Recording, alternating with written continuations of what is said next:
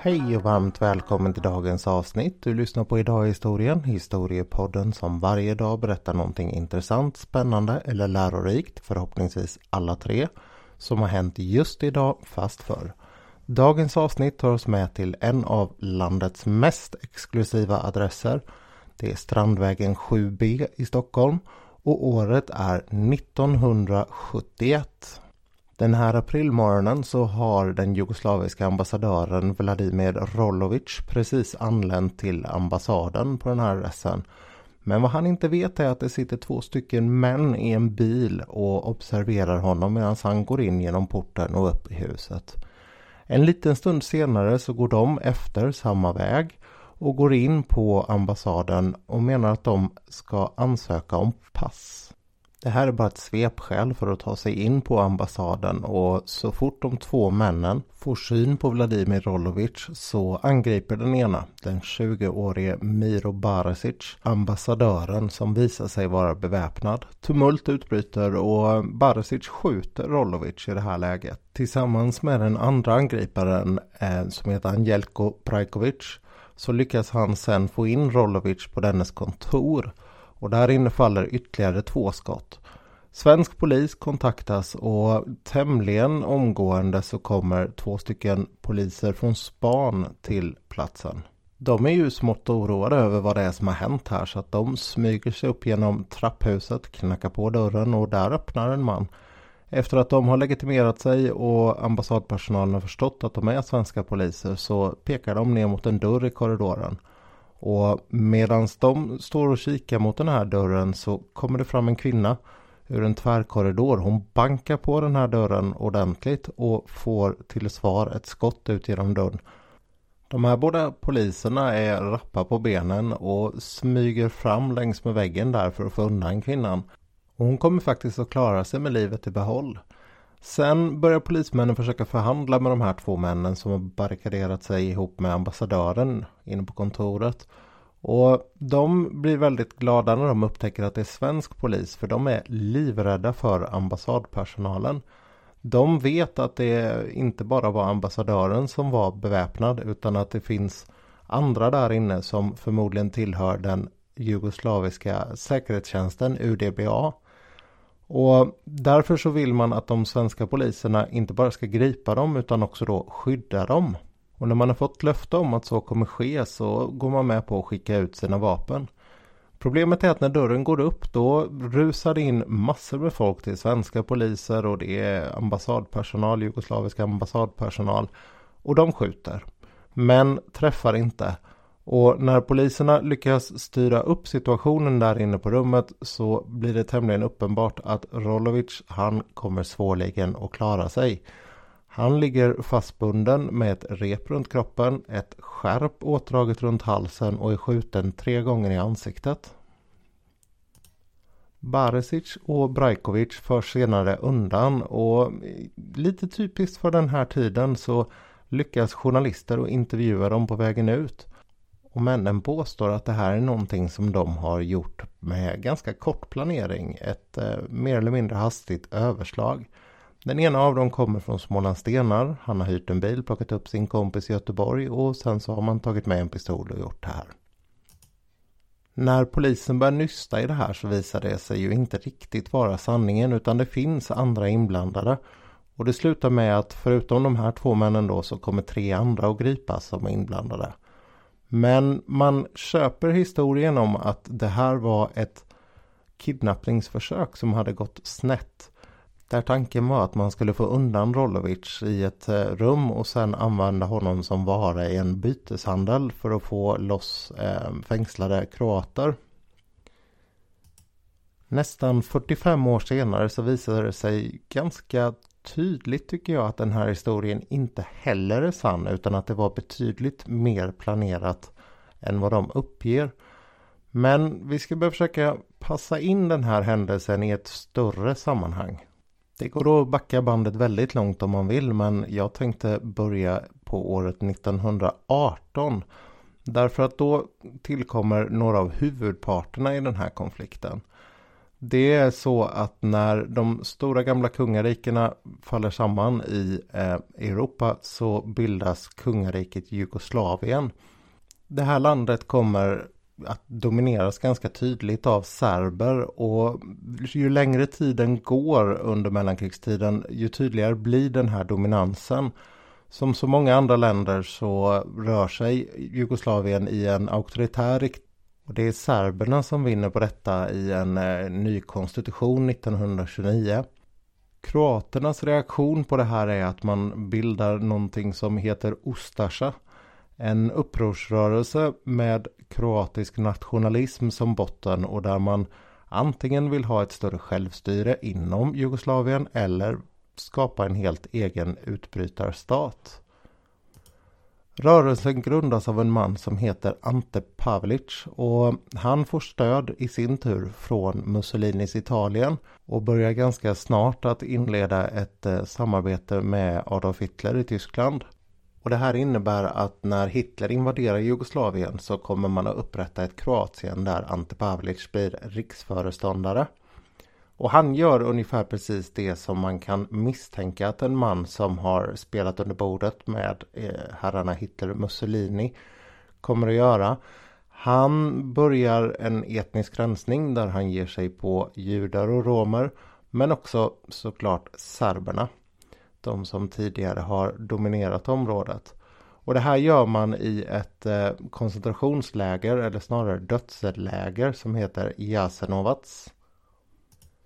Där omkring 100 000 människor kommer att förlora livet.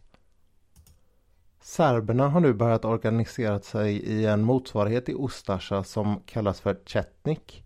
Och det kommer bli en strid mellan Ustasja, Chetnik men också partisanerna i Jugoslavien om vem som kommer ha makten här efter kriget. Vinnande ur den striden går partisanerna som leds av Tito.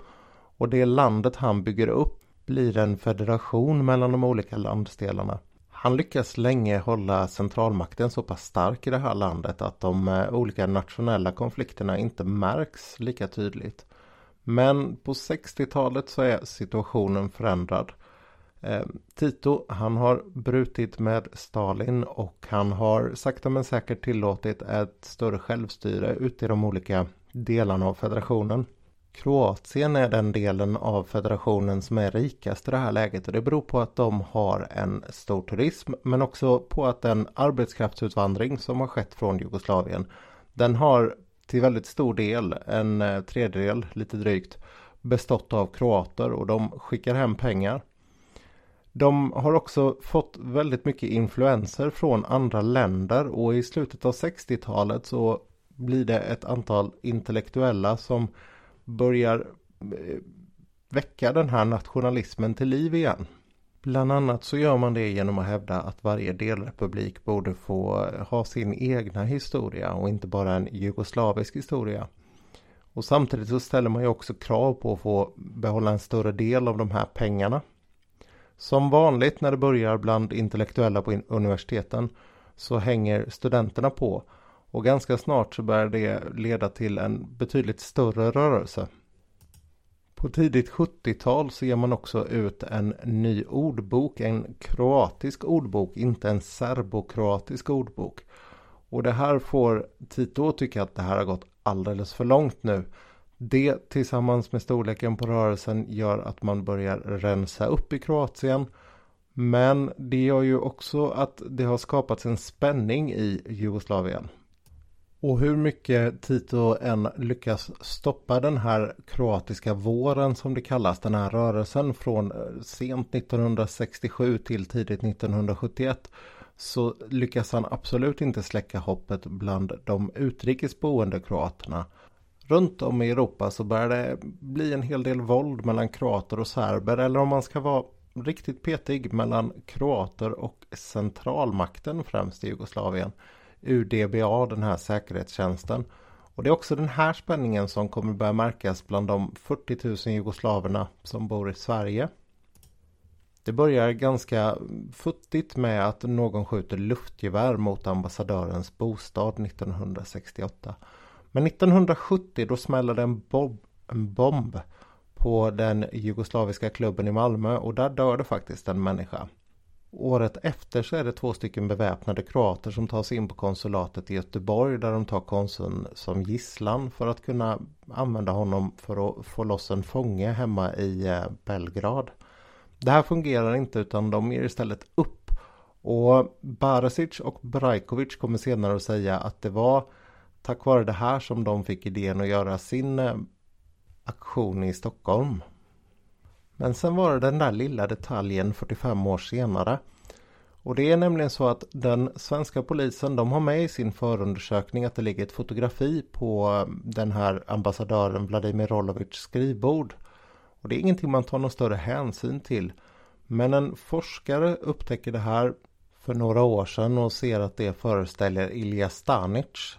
En eh, UDBA-man som i Spanien har skjutit Vjekoslav Lubryc till döds på ett liknande sätt som Rolovic dör. Och meddelandet då som man påstås vilja lämna i Stockholm är att eh, ni tar en general för oss, alltså Ustasja, så tar vi en för er, alltså, alltså den jugoslaviska centralmakten. Och Rolovic var också nära vän med Tito vilket gör att det blir en kris mellan Sverige och Jugoslavien i efterdyningarna av det här. Det är inte allt som händer.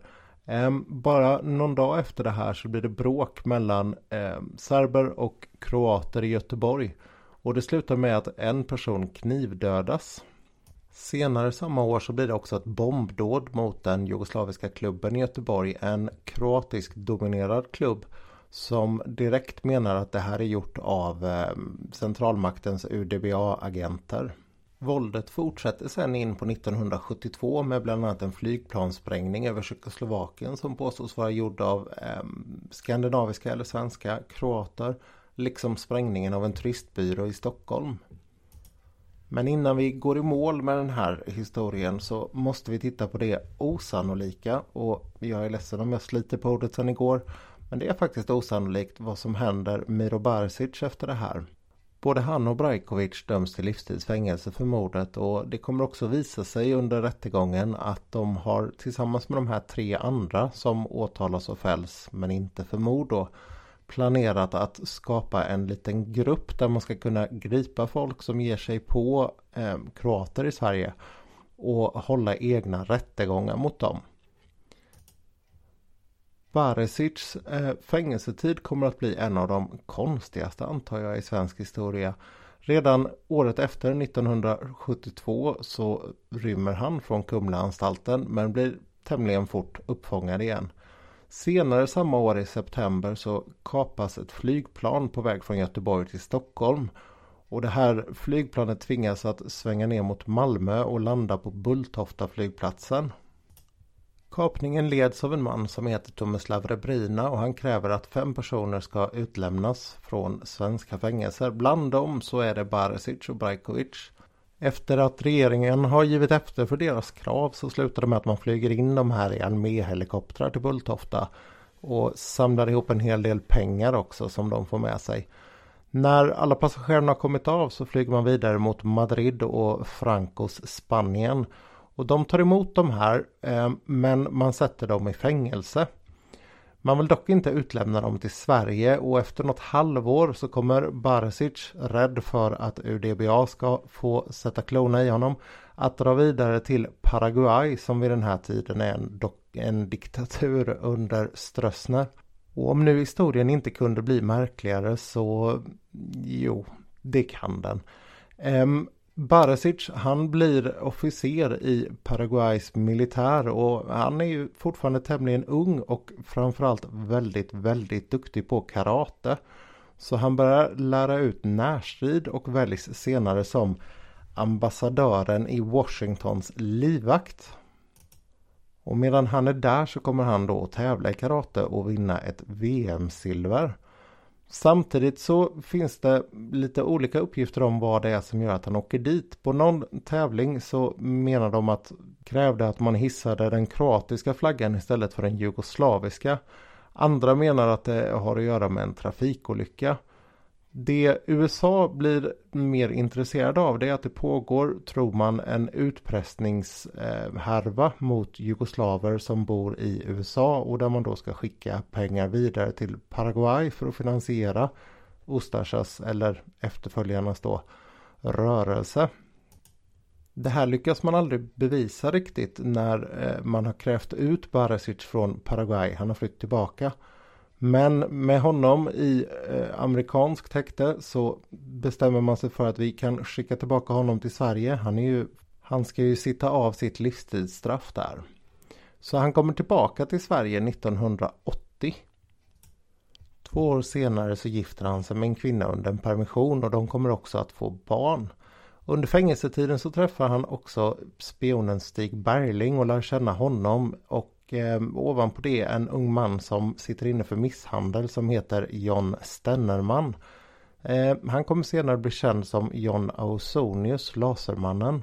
Med tiden så blir Barisics straff tidsbestämt och han släpps 1987 och utvisas ur landet. Och det blir Paraguay som han återvänder till med hjälp av ett eh, svenskt Herculesplan, flygvapnets. Där så lever han på lite olika jobb, bland annat bilmekaniker och när Strössner, den här diktatorn som har hållit honom om ryggen avsätts så blir han allt mer oroad. Då är året 1989. Men det börjar ju hända saker i Östeuropa samma år och 1991 så åker han tillbaka till Jugoslavien där det är full fart på konflikten. Och ehm, tanken är ju då att han ska slåss på den kroatiska sidan. Men det händer konstiga saker. På något sätt så dödas han i juli 1991. Och ehm, vem det är som dödar honom är inte riktigt klargjort. Hur var det då med den här avslutningen i Sverige? Jo, 1975 så mördas ledaren för den skandinaviska delen av det kroatiska nationella motståndet här i Sverige. Vem det var som dödade honom det är fortfarande inte klarlagt och mordet är preskriberat sedan år 2000. Men när nu eh, flera inblandade är antingen fängslade, har flytt landet eller har blivit dödade så avtar våldet ganska tydligt mellan de olika jugoslaviska grupperna i Sverige. En märklig slutkläm får den här historien 2016 när man i eh, det kroatiska Drage, jag vet inte om det är en stad eller en by, eh, man bygger där en staty över Miro Baresic. Som man också inviger med två stycken ministrar på plats, vilket naturligtvis får Serbien att gå i taket. De uppskattar ju inte alls att den här mannen får en staty och det blir en, eh, ett slags diplomatiskt eh, fejdande länderna emellan.